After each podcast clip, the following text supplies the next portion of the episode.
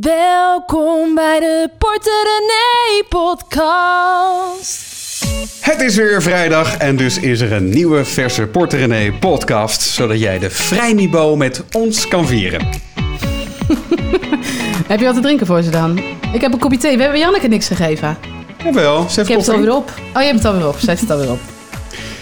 Bijzondere podcast, want voor het eerst hebben wij namelijk een gast in de show. Janneke Willemsen, al twintig jaar eh, journalist bij bijvoorbeeld eh, RTL Z. Noemt zichzelf blonde belegger, schreef de bestseller Blondjes beleggen beter. En heeft nu ook een online training Super Simpel beleggen. Eh, blondjes beleggen beter, hoeveel al van verkocht? Van het boek? Ja? Oh jee, nou we gaan nu richting de 10.000. Zo. Eh, ja, Nu is de uitgever heel rijk. nou dat mag ook wel, toch? Anders dan die uitgevers die vallen anders Nee dat mag helemaal. Maar had jij gedacht dat je zoveel boeken zou verkopen over beleggen? Nee, helemaal niet. Nee, nee. Nee, en het is sowieso heel spannend als je een boek gaat schrijven. Nou, dat heb jij natuurlijk ook wel meegemaakt, denk ik. Maar voor mij was het in elk geval dat ik daar lang over getwijfeld heb... van wat heb ik eigenlijk te melden? Want ik was al heel lang journalist en ik belegde ook best al wel een tijdje. En dan op het moment dat je wel die stap durft te nemen... en de- denkt van, nou ja, mogelijk heb ik toch wel iets, waar melden. mensen in geïnteresseerd zijn... dan is het wel heel erg leuk om te zien eh, dat mensen je boek ook met plezier lezen... en dat het zoveel verkocht wordt. Ja. Ja, te gek. Ik vind het ook dus heel stoer dat het gewoon een boek is door een vrouw geschreven over beleggen. En dat dat zo goed verkoopt. Ik bedoel, een paar jaar geleden had je dat toch niet gedacht? Dat zoveel... Ik denk dat toch vooral vrouwen dit boek kopen. Toch? Nou ja, en ik heb eerder, eh, in eerdere jaren ook wel met andere uitgevers gesproken. En van die andere uitgevers moesten het altijd boeken worden, eh, zoals een, eh, een handboek, eh, eh, ja, met een, met een roze kleurtje of zo. En beleggen mocht er maar een klein onderdeel van zijn. Ehm, ja, maar ik wilde het heel graag eerst over beleggen hebben. Ja. Maar merk je ook dat de tijden dus ook veranderd zijn dan? Ja, dat idee heb ik wel, ja. ja. Heel goed, heel goed. Ehm, ik kreeg heel veel eh, vragen binnen van, eh, van luisteraars over beleggen. Ehm, en, en wij kunnen ze wel beantwoorden, maar jij weet net even wat beter. eh, Net even heel veel meer ja, hoor. net even wij. wat veel meer dan wat wij weten. Eh, dus zullen we de eerste vraag er maar gewoon ingooien? Ehm, mijn man en ik kunnen 100 euro per maand investeren om te gaan beleggen. En het spaargeld dat we hebben, dat houden we liever achter de hand voor een regenachtige dag. Dus we hebben geen groot bedrag om mee te starten, zeg maar.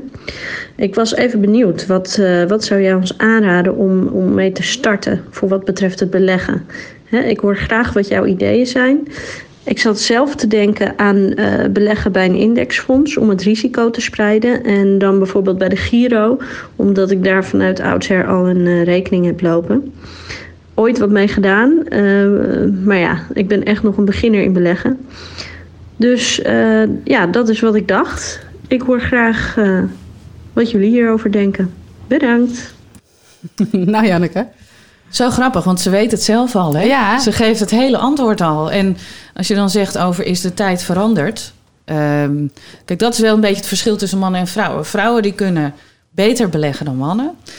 En die zijn er tegelijkertijd toch veel onzekerder over. Maar is dat niet bij alles? Want eh, Ja. ik denk dat vrouwen die ondernemen ook nog onzekerder zijn dan mannen. Vrouwen die, weet ik veel, alles waarin we goed zijn, zullen we minder snel roepen: Oh, kijk, ons eens even dat goed doen. En een man die het een beetje kan, die denkt: Ik ben er echt super goed in. En die zal het ook aan iedereen vertellen. Of, of, is het even juist, deze man uitgezonderd natuurlijk. Hè? of, of is het nou zo dat vrouwen zoveel twijfelen dat ze er juist extra goed over nadenken? Ja, dat zou kunnen, ja. Ja, maar dat speelt zeker een rol waarom vrouwen ook veel meer succes hebben op beleggingsgebied. en ik vind het zelf altijd een beetje spannend hoor, om, om dan hè, zo'n hele groep eh, weg te zetten op die manier. Van oh, wij vrouwen zijn allemaal van die twijfelaars. Maar ja, het stiekem eh, zie je dat toch wel erg vaak terugkomen. Dus ik vond dit een super vraag. En ze geeft zelf het antwoord al aan. Want als je 100 euro per maand hebt, wat heel belangrijk is, is dat je gaat kijken naar eh, dat je eh, eh, weinig kosten gaat betalen. Dus dat je zo goedkoop mogelijk gaat beleggen. Nou, en zij zit bij de Giro. En dat hoeft helemaal niet voor iedereen de beste optie te zijn hoor. Dus ik, ik raad iedereen ook altijd aan om toch even beleggingsrekeningen te vergelijken. Gewoon met een brokervergelijking, vergelijker die je overal op internet kan vinden. Maar als je met door middel van inderdaad indexfondsen of ETF's, zoals dat heet, Exchange Traded Funds, eh, gaat beleggen via de Giro. En je doet dat in specifieke ETF's die zij hebben aangegeven in hun kernselectie, dan betaal je helemaal geen kosten. Behalve dan de kosten die in de ETF zelf zitten. Ja. Maar dat is de allergoedkoopste manier. Plus je bent dan al heel erg goed. Heb je je beleggingen gespreid of je geld gespreid. En eh, dan hoef je er ook van niet de hele dag mee bezig te zijn. Dus dat is best de beste manier als je met 100 euro wil beleggen. Ja, want zo'n ETF, voor de duidelijkheid, dat is een mandje. En daarin zitten allemaal aandelen. Dus daarmee ben je al gespreid. ja. Ja. ja. Nou ja, ze, ze vindt het blijkbaar een hele goede samenvatting van je. Oh, knap toch wel. Terwijl ik helemaal niet zo handig ben op de aandelenbeurs. Het is een beetje een running gag in deze podcast. Ik krijg ook heel vaak vragen over van hoe gaat het met jullie KLM-aandelen. Oh ja. Ik had een paar, eh, ik had een paar maanden geleden in, in het begin van coronatijd dat ik eh, KLM-aandelen gekocht. Had ik Waarom? Ook, had ik ook gedeeld. Waarom? Dat, dat snap vraag. ik echt niet. Dat had ik ook gedeeld hier in de podcast. Dus vandaar dat die vraag heel vaak terugkomt. Nou, maar hoe ik gaat het met de aandelen Laten we nog KLM? even stilstaan bij dat moment. Want hij belde mij, hij was aan het werk en hij zegt... er komt hier nieuws bij- binnen KLM, het is niet goed. En eh, we zien dat de beurzen nog niet zo heel, heel erg reageren... maar hij is toch toch vrij laag. Zal ik kopen? Ik zeg, joh, eh, ja, ik ben bezig. Beslis het zelf maar. Doe maar wat jij denkt. Dus- Toen heeft hij gekocht. Het, Ja. was, het was helemaal aan het begin van de coronatijd. Eh, hij niet gaat het nu proberen uit te Dus leggen. ik wist ook niet wat, er, wat, wat daarna allemaal zou gebeuren. Laten we dat zeggen. Ehm, en ik zag dat KLM all-time low stond. Ik denk, nou, dit is het moment. Maar de aandelen KLM waren al keihard omlaag gegaan. En nou, keihard. Het was een beetje omlaag gegaan. Maar net nadat ik die 2000 euro had geïnvesteerd in die aandelen... kelderde het echt helemaal naar beneden. Echt, maar echt, Ja. echt een uurtje daarna. Dus, dus je... Oh, wacht even. Ik ik probeer dit echt te begrijpen, hè? Dus jij denkt, oké, er komt corona. Ik zie dat de aandelen Air France KLM ietsjes goedkoper zijn. Ja. En eh, er gebeurt nog niks met de andere aandelen koersen. Dus ik, kan had, ze nou, ik, wel had, ik, had kopen. niet, ik had niet zozeer gelet op die andere aandelenkoers. Ik zag dat KLM vooral heel laag stond. Nou, hij had echt heel goed onderzoek gedaan, dat hoor je al. Je wordt een beetje... Kijk, Janneke kijkt je nu ook heel streng aan. maar ik- van. Hij ik staat helemaal een van. beetje een rode kop krijgt hij ervan. Maar in ieder geval... bedoel ik het natuurlijk niet. Maar weet je wat het is? Ik heb dit verhaal, niet, niet dit verhaal per se, maar ik heb van andere mensen gehoord die hadden een andere redenering om Air France KLM te kopen. Die zeiden: de koers van Air France KLM is zo omlaag dus inderdaad heel erg goedkoop Ja. vanwege corona. Want ik denk dus ook. Ja, logisch. Er Ja. kan niet gevlogen worden, dus er komt geen geld binnen.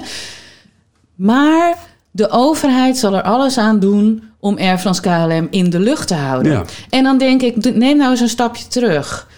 Waarom zou je willen beleggen in een bedrijf dat het zeg maar nog maar net volhoudt, dat zo aan het randje van die afgrond hangt Omdat en staatssteun nodig Ja. heeft?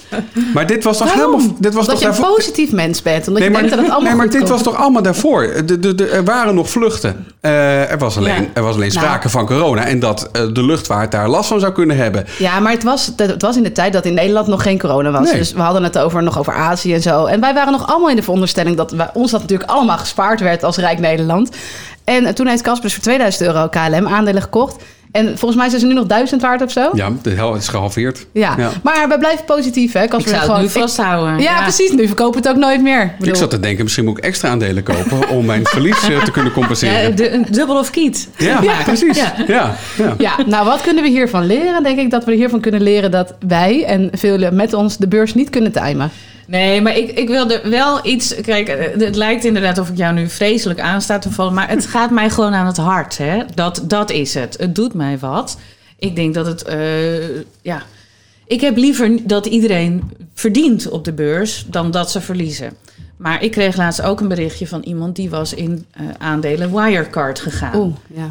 En Wirecard, daar is een boekhoudfraude-schandaal ontdekt. En die heeft gek genoeg precies op een moment dat ja, gekocht. Waarna de koers alsnog vanaf dat niveau waarop hij gekocht heeft... eh, weet ik veel, 300% gestegen is. Nou, hoe kan dat dan? Nou, dat zijn allemaal die particulieren die toch op een koopje uit zijn... die zich niet helemaal goed hebben verdiept in wat dat bedrijf dan doet. En dat mag, want deze man heeft er zeker aan verdiend... Dus, dus doe dat vooral. Maar ik denk van als je nou gewoon een normaal mens bent met een gewoon leven en niet de hele dag achter je scherm wilt zitten en eh, precies op het juiste moment wilt kopen en verkopen, doe dat dan gewoon niet. En, en beleg alleen in bedrijven waarvan je denkt: hey, dit is een interessant bedrijf, er kan groei in zitten. Ja. Of Ja. uitsluitend in ETF's. En als je in ETF's gaat beleggen, dan eh, is het ideaal. Want dan zit je meteen in één klap in zoveel verschillende aandelen. Ja. Dat als het in het ene aandeel nou niet goed gaat. Dus er zit bijvoorbeeld een Air France KLM met je tussen. Dan heb je aan de andere kant eh, een bedrijf dat het heel goed doet. Er kwam laatst ook een vraag van, eh, van een luisteraar binnen over die ETF's. Want hoe zoek ik nou de beste ETF uit? Ja, Het is een beetje een zoektocht, hè? ja. Met ehm, ingewikkelde pdf'jes die je ergens op internet eh, kan vinden. Nou, kijk, je moet er wel wat tijd aan besteden. Het is, eh, als je graag met je hand voor je ogen wil beleggen... en dat iemand anders het allemaal voor je doet, daar betaal je ook voor. Ja, Hè? Dat kan natuurlijk ook. Ja, dat kan natuurlijk ook. En als je het allemaal zelf wil doen, eh, ja, dan moet je daar wat tijd in investeren. En heb je bijvoorbeeld eh, iets als eh, Morningstar.nl en daar staan heel veel verschillende ETF's al op. Dan heb je een ETF-screener, kan je allemaal van die pull-downtjes aanklikken. Van kan je zeggen, ik wil het in die sector. En ze hebben ook een, een sterrenrating. En, Maar dit, als je dit zo hoort, hè, als, als nog niet begonnen met beleggen of als je wilt gaan beleggen, eh, kan, ik kan ik me voorstellen, jij misschien niet, want jij weet daar heel veel van, maar dat je nu al denkt van, "Brr, ik blijf wel gewoon sparen. ja, Toch? dat snap ik. Ja, maar kun je Ja. dan aan mensen uitleggen waarom? Want het is eigenlijk, wij zijn ook zo begonnen. Wij weten ook helemaal niet zoveel als jij. En wij hebben het ook uit zitten zoeken met z'n tweeën. We hebben één keer ingesteld. We leggen nu elke maand in. Dat gaat allemaal automatisch. Het is ook gewoon één keer even investeren in tijd en het even uitzoeken. En natuurlijk blijf je het een beetje volgen. Maar het is niet dat je daar uren per week mee bezig hoeft te zijn, toch? Tenminste, Nee. dat doen wij niet. Nee, en heel veel mensen denken dat dat wel nodig Ja. is. Hè? En dat, dat vind ik ook een beetje jammer, want daardoor beginnen heel veel mensen vaak niet. En dat is ook als je, ja, ook zo'n gesprek, dat als ik dan zo'n woord als ETF uitspreek, dan zie ik mensen vaak al Ah, dichtklappen. wat Van, is wow, dit? wat is dit? Ja, ja, ja. Terwijl het is echt zo ingewikkeld niet. Het Ja. is gewoon een term die je even moet accepteren. Ja, maar het gaat, eh, in dit geval gaat het natuurlijk over je geld. En hebben we vaak het gevoel dat we alles moeten weten voordat we hier aan durven te beginnen. Want Ja. er gaan ook nog wel wat cowboy-verhalen rond natuurlijk. Er zijn ook mensen die eh, voordeel willen maken van, eh, van wat iemand anders heeft. Eh, dus dat snap ik ook wel. Het is nogal wat, het is je geld. Maar ik zie ook dat heel veel mensen dan alles willen weten. En daar kom je nooit. Of je weet voor je gevoel nooit genoeg. En Dus doe je het nooit. Ja, heel herkenbaar. Ja. Want jij, ik heb het zelf ook heel lang over gedaan voordat ik uiteindelijk en ik ging toen. ik ben met beleggen in individuele aandelen, dus steeds bedrijven stuk voor stuk uitkiezen. Daar ben ik in eh, 2013 eh, met een behoorlijk bedrag mee begonnen. En dat deed ik daarvoor al een beetje. Maar toen was het nog echt gokken wat ik daarvoor deed eigenlijk. Beetje KLM prikkelen. ja, zeker. Ja, heb ik dat- ook wel maar- gedaan. Maar ook, ook dat is natuurlijk goed. Een beetje leergeld, toch? Ja, Ja. Ja, Uiteindelijk, als je het kan missen wel, ja. uiteindelijk wist je je inleg toen met 300% te laten groeien. Ehm, ja, het is inmiddels verdrievoudigd. Want ik ben in 2013 met eh 20.000 euro begonnen. Was voor mij ook een groot bedrag hoor. Ja. Maar ehm, ik had voldoende spaargeld. Want dat is wel grappig, die vraag van net. Ja, Het is wel belangrijk dat je ook spaargeld achter de hand houdt. Want dat moet iets zijn wat je direct kan opnemen. Tuurlijk, ja. Dus, eh, en ik had een flinke buffer op mijn spaarrekening. Voor mij als ZZP'er heel handig als je geen eh, opdrachten meer hebt. En die 20.000 euro is van 2013 20.000 naar nu eh, ruim 60.000 gegroeid. lekker. En Cool, durf je dan ook te zeggen dat je dat dus best goed gedaan hebt? Of is dat dan gevolg Daar van... heb ik als een echte vrouw toch weer wat moeite mee. Goed, je hebt de Ja. cursus gemaakt. Eigenlijk zijn nu overal beleggingscursussen te volgen, heb ik het idee. Ik krijg heel Ja, veel reclame binnen. Ja, die schieten als paddenstoelen de lucht uit, ja. Ja. Dus Ja. daarom hebben we eigenlijk ook Janneke gevraagd. Want wij kregen ook veel de vraag van... nou ja, eh, kun jij ons niet iets leren over beleggen? Of welke cursus moeten we dan gaan volg- volgen? Nou, als we er dan toch iets over zeggen... ik voel mezelf niet als de aangewezen persoon... laten we dan Janneke naar voren schrijven... dat als jij wilt leren beleggen... en je wilt een beleggingscursus volgen... doe het dan bij Janneke. Dan komt het in ieder geval goed met je. Of tenminste, ja, je moet het natuurlijk zelf doen... maar dan is de informatie die je krijgt in ieder geval goed en waardevol... En, eh, dus ja, dan, eh, en, en hopelijk zijn al je vragen dan beantwoord. Want wat voor reacties krijg je van mensen die de cursus hebben gedaan? Zijn ze nog steeds, twijfelen ze nog steeds of beginnen ze ook echt? Ehm, nee, de meeste mensen beginnen ook echt. En eh, die zeggen ook van, eh, goh, het, het is me nu een stuk duidelijker en ik durf nu de stap te nemen. Eh, dus daar ben ik wel heel blij mee. Er zijn Ja. al heel veel die hun eerste euro's hebben belegd. En ja, met de eerste groep mensen die meededen, die moesten heel lang wachten op totdat hun beleggingsrekening geopend was. Oh, Want er ja. waren toen zoveel mensen die wilden beginnen dat de wachtlijsten heel groot waren. Ja. Maar die zijn inmiddels bijna helemaal weggewerkt, dus het gaat nu een stuk sneller. Ja. En eh, nou, dat is echt heel erg leuk om te zien dat ze nu ook durven. Porterenee.nl slash super simpel. Want het heet super simpel beleggen, jouw, jouw cursus. Of eh, om het nog makkelijker te maken, uh, porterenee.nl slash Janneke. ja, kan ook. Kan je, kan, je, leuk. kan je alles vinden over, eh, over, eh, over je cursus, over je online training. Eh, dan nog een vraag via 06 472 50448. Porte René, WhatsApp nummer 06 472 50448. Je hoort vaak dat je een verdeling moet maken tussen obligaties en aandelen. Dit zou bijvoorbeeld naar leeftijd kunnen. Dus stel je bent 30 jaar, dan neem je voor 30% obligaties en voor 70% aandelen.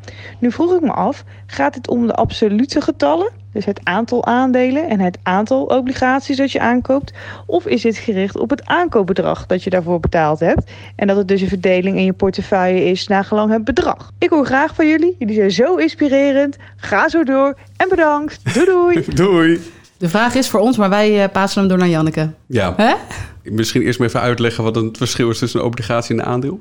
Een aandeel, als je een aandeel koopt, dat is eigenlijk een stukje van een bedrijf. En dat betekent ook als het bedrijf bijvoorbeeld eh, eh, eh, dividend besluit uit te keren, wat eigenlijk een stukje van de winst is, dan krijg jij per aandeel dat je hebt, dat stukje van de winst ook uitgekeerd. Een obligatie is een stukje van een lening. Eigenlijk ben jij dan degene die een lening verstrekt via de beurs aan een eh, overheid, want je hebt staatsobligaties, of aan een bedrijf en dan heet het bedrijfsobligaties. En bij een obligatie heb je eh, dat het een koers heeft ehm, die kan stijgen en dalen. En je hebt ook nog dat, eh, dat er een coupon uitgekeerd wordt. En dat is eigenlijk de rente over dat bedrag wat jij hebt uitgeleend. Wat natuurlijk heel logisch is, want als ik jouw geld leen, Stel ik zeg, eh, je krijgt 100 euro van mij, eh, maar dat wil ik over drie maanden terug. Dus er zit ook een looptijd aan. En eh, nou, dan kun je afspreken of dat met of zonder rente is. Of jij mij 100 euro teruggeeft of dat ik liever 10% rente erbij wil. Maar het verschil in, in aandelen en obligaties zit ook heel erg eigenlijk in wat, wat deze vraag over gaat, in het, ehm, het risico. Hè? Ja, bij beleggen is het zo dat aandelen zijn een risicovollere groep. Maar je moet onthouden dat risico en rendement die gaan hand in hand. Dus als je in aandelen belegt, daarvan kan de, kan de koers sneller stijgen en kan de koers sneller dalen. Ze doet nu zo'n vingertje erbij van pas ik op, kan, pas kan. op, pas op, kan. Ja, nee, wa- wat ik ook merk is als je dan met sommige mensen daarover praat, dan denken ze: Oh, nou, ik doe geen aandelen, want het kan ook minder waard worden. Ja. Dat kan dus ook met obligaties. Dat, dat maakt niet uit. Het gaat om de mate van stijging of daling, de mate van winst of eh, verlies. Dat kan bij aandelen wat sneller gaan en bij obligaties is de verwachting dat het rendement of, en of het verlies iets minder eh, snel oploopt. Eh, dus als je zeg maar minder risicovol wil beleggen, dan ga je meer in obligaties beleggen. En ze zei ook in de vraag hè, van inderdaad, het kan naar percentage van je leeftijd. Leeftijd, ja. En dat heeft ermee te maken dat hoe langer jij je geld niet nodig hebt, dus hoe jonger je bent, hoe langer je waarschijnlijk je geld niet nodig hebt voor iets anders, hoe langer je het ook belegd kan laten en hoe langer je de tijd hebt om eventuele tussentijdse verliezen weer een beetje bij te laten trekken. Ja. En dan kun je dus in aandelen beleggen. Terwijl als je zegt, nou, ik ga nu eh, starten met beleggen, ik koop alleen maar aandelen. Maar ik wil over twee jaar van dat geld op pensioen. Of eh, ik wil ermee eh, op wereldreis of zo. Ja. Dat, is, dat is niet zo verstandig. dan is het risico te hoog. Dan is het risico Ja. te hoog. Dus eigenlijk zeg je, des te jonger je bent, des te meer risico je kunt nemen, omdat je een langere eh, looptijd hebt om eventuele verliezen ook weer Goed te corrigeren. Ja. Ze zei van als je 30 bent, dan kun je 30% in obligaties beleggen. Dus je leeftijd is het percentage in obligaties. Oké, dus des te ouder je wordt, des te meer veilige, tussen aanhalingstekens, veiligere beleggingen Ja, je doet. Hoe ouder je wordt, hoe meer obligaties. En dat heeft natuurlijk ook met, met je eigen gevoel daarbij te maken. Van, eh, en, en nu op dit moment is er ook nog zoiets als eh, een hele lage rente. Dus de, het verwachte rendement op obligaties is eigenlijk niet zo hoog. Dus wat je nu vaak ziet, is dat mensen toch nog weer eh, wat meer dan hun leeftijd in aandelen Ja, gaan ja. beleggen. Dus wat minder in obligaties. Ja. Oeh, gevaarlijk Ja. hoor. Ja. Of niet? Doe nog even die vraag. Er is een vraag binnengekomen van iemand die vroeg over beleggen bij de eigen bank. Die wil, daar wil ik Janneke's antwoord nog wel eens op horen. Hoi, ik eh, heb jullie eh, podcast echt eh, werkelijk waar gebinged de afgelopen tijd. Eh, ik geniet er enorm van. Ik ben ook dankzij eh, jullie mede begonnen met beleggen. Want ik heb een beleggingsrekening geopend bij mijn eigen bank. En daar heb ik wel een vraagje over. Eh, ik heb dat, doe dat zelf bewust, omdat ik ook bij, bewust bij een duurzame bank zit. Eh, en dat wil ik eigenlijk ook voor mijn beleggingen. Maar ik hoor jullie eigenlijk nooit over eh, de mogelijkheid om ook te beleggen via je eigen bank. Dus ik vroeg me af eh, of daar een reden voor is ehm, eh, dat jullie dat, eh, dat eigenlijk nooit aanhalen. Is dat misschien gewoon een slecht idee? En moet ik het als een dollar er weer af gaan halen? Of eh, zit er iets anders achter? Ja. Ja, goede vraag. Je had het net over de brokers, maar je hebt het niet over de banken gehad.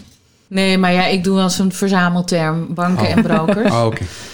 Kijk, eh, het is een beetje gevaarlijk als ik nu iets ga zeggen over eh, allerlei eh, verschillende rekeningen. Dus ik doe toch even een disclaimer vooraf. Dit kan allemaal veranderen, Ja. deze kosten. In het verleden behaalde resultaten bieden geen garantie voor de toekomst. Dat is Zo, ook zo'n hebben we die disclaimer, Die hoort eh, ja, zo is het. Ja. Maar ehm, als je kijkt naar. eh, eh, de- er zijn verschillende soorten kosten. Ten eerste heb je altijd kosten die zitten in een beleggingsproduct. Dus waar we het net over hadden, bijvoorbeeld die ETF's, die pakketjes van aandelen.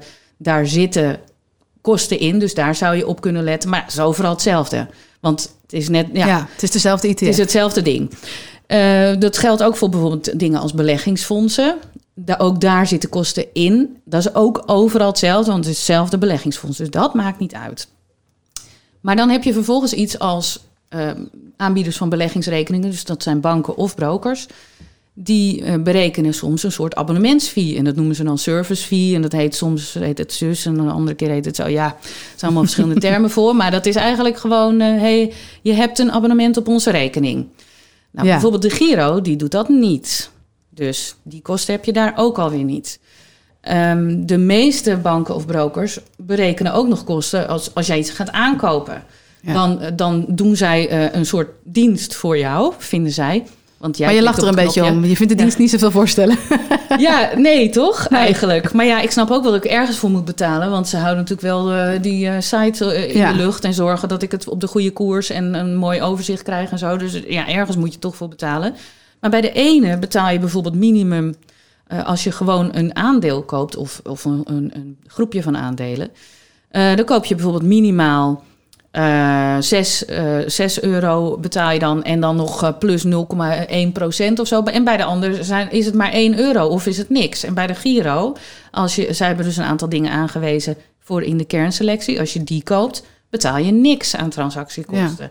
Dus dat kan enorm groot verschil maken, dat soort kosten, dat dat minder is. Maar die, die kosten van het beleggen, daar heeft altijd iedereen het over. Hè? Je moet zo laag mogelijk die kosten. Ehm, ik zie ook wel dat het een reden is voor sommige mensen om helemaal niet te beginnen. Want die weten gewoon niet, oh, waar, weet je wel. Dan denk ik bijvoorbeeld de Giro. En dat vind ik dan heel overweldigend. Weet ik niet zo goed wat ik moet doen, dan doe ik niks. Maar waarom zijn die kosten laag houden dan zo belangrijk? Want Ja, ik heb het laatst bijvoorbeeld nog een keer uitgerekend. En eh, je denkt van, nou, als ik 1% kosten betaal of 2%, wat maakt dat ene procentje uit? ja, Ehm, maar als je bijvoorbeeld met 1000 euro begint en je laat dat... Ik dacht dat ik het toen had uitgerekend, want ik ben een beetje slecht in het onthouden. Maar eh, dat als je dat gewoon laat staan eh, zoveel jaar... dan had je een, een behoorlijk bedrag eh, aan het eind van, van die termijn. En met, met name loopt dat natuurlijk steeds op als je geen kosten betaalt... en je, in, hoe langer je het laat ja, staan, ja. hoe sneller, hoe meer rente op rente je krijgt. En met kosten werkt het precies andersom. Dus dat was uiteindelijk op een termijn van, ik dacht, 10 jaar, was het wel weer 1000 euro verschil in opbrengsten. Ja. Ja, en dat is wat er natuurlijk gebeurt. Als jij, eh, en daarom moet je op die kosten letten. Want niet alleen het rendement wat je behaalt is heel belangrijk. Als je, die, nou, als dat, als je aan de ene kant rendement behaalt en aan de andere kant vliegt het het raam uit omdat je ja richting de bank. betaalt. Ja, ja, Dat is een beetje jammer. ja, daar doe je het niet voor. Nee. Uh, Portegenee.nl slash de Giro trouwens. Kun je ook op kijken. En als je toch online zit, dan eh, check je meteen uh, Portegenee.nl slash supersimpel. Of Portegenee.nl slash Janneke. Want daar kan je de supersimpel beleggencursus vinden. Is het dan ook echt super simpel? ik denk dat we die vraag gaan krijgen. Ja, super simpel. Ik vind alles wat ik hoor best ingewikkeld. Maar snap ik het dan ook echt aan het einde van die cursus? Ja, ik, ik denk natuurlijk van wel. Ja. en uh, in, in de cursus zitten ook een hele hoop uh, opgenomen Q&A-sessies... waarin ik inderdaad merkte van mensen gaan dan nog meer vragen, stellen nog meer vragen...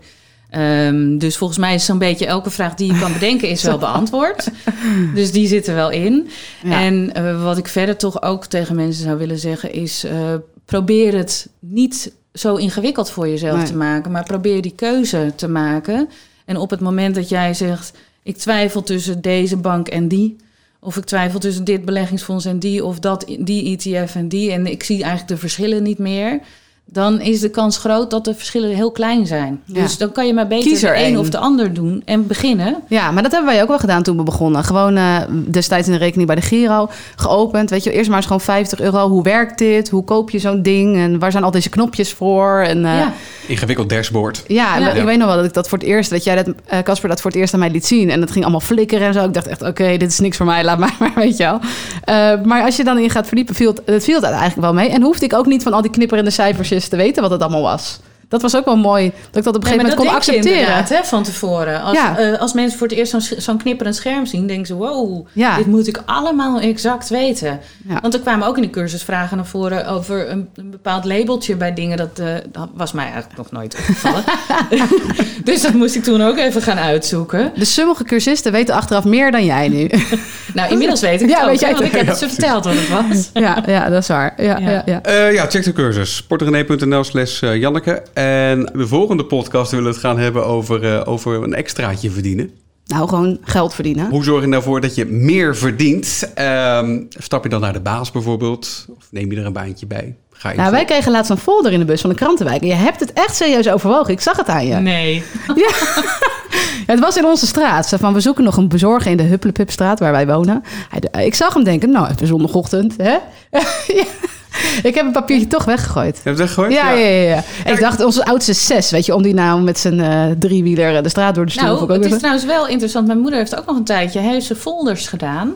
En die werden dan in grote pakketten bij haar eh, in de tuin geslingerd. En dan moesten ze zelf moesten ze nog selecteren. Hè, allemaal in elkaar van, van elk Pakketjes maken, ja, ja. En dan had ze wijken en dan ging ze dan wandelen. En dan had ze twee vliegen in één klap. Want zij had en een aanvulling op haar eh, pensioen. En ze kreeg heel veel lichaamsbeweging. Ja, maar dat en was daar ben jij ook mee bezig. Dat, dat was dan precies de reden waarom ik dacht van... hé, hey, maar dat is wel lachen. Het was een uurtje in de week of zo stond erbij. Ik denk, nou ja, een uurtje in de week kan wel. Ik, loop, ik, loop, ik loop elke dag wel een uurtje. ja, of je nou een folder in de bus Oh, gooit of een niet. folder in de bus gooien. Niet, dan, nee, dan verdien ik er nog wat aan. Dat was mijn, dat was mijn gedachte. Ik ben wel benieuwd wat dan die mensen zouden denken als zo'n man van 37 opeens, waarvan je dacht, nou, die, die woont toch leuk, die heeft toch een leuk autootje voor die opeens de folders bezorgd. Dat je denkt niet. En er stond ook minimaal 16 jaar. Maar ik dat vind het ook wel. Dan gaan, ze, dan gaan ze voortaan helemaal denken, waar doet hij het Ja. van? De hele dag thuis, hij bezorgt alleen maar folders. Goed, eh, nou ja, ehm, heb je ook zo'n verhaal? Laat het weten. 0647250448, dat is het eh, WhatsApp-nummer. Eh 0647250448. Spreek, eh, spreek wat in, dat vinden we het leukst als je dat, eh, als je dat doet. Ja. Heb jij nog een side hustle? Een side hustle. Nou ja, ik rommel wat aan natuurlijk hè, als, eh, als ZZP'er. Dus ik, ik, ik presenteer allerlei dingen. Ehm, ik heb nu die online training. ik heb- Ik heb het boek. Nou, daar word je trouwens niet rijk van hoor. Maar nee, dat, dat is het wel zo'n beetje. Nou, misschien Ja. kunnen we in de volgende podcast ook wel even vertellen waar wij ons geld mee verdienen. Want die vraag krijgen we ook heel veel. Want wij hebben alleen maar krant- side hustles. Met de krantenwijk binnenkort. Dus. Nou, ik vind het altijd wel storend als mensen dan eh, zeggen... Oh, had je een snabbel? Oh ja, alsof dat dan minderwaardig is. Terwijl dan heb ik me drie dagen zitten voorbereiden op een of ander congres... wat ik dan eh, inhoudelijk aan elkaar moet praten... en eh, zeven mensen Maar- interviewen en zo. Maar zeg je dan Had niet gewoon, ja, die snabbel die leeft meer, meer op dan jij een hele week op kantoor verdient? Dat zou ik dan zeggen. Oh ja? Gewoon een beetje. Nee, ik kom op, Janneke. een beetje van mijn eigen bozigheid af te raken. dus ik zeg tegenwoordig gewoon ja. Oh ja, dat is eigenlijk best, dat is eigenlijk best het beste Ja. antwoord. Oké, nou volgende week zonder Janneke. Ja, Gewoon weer met z'n tweetjes. ook gezellig. Ja, dan gaan we het hebben over geld verdienen. Tot volgende week. En dankjewel Janneke. Ja, was leuk.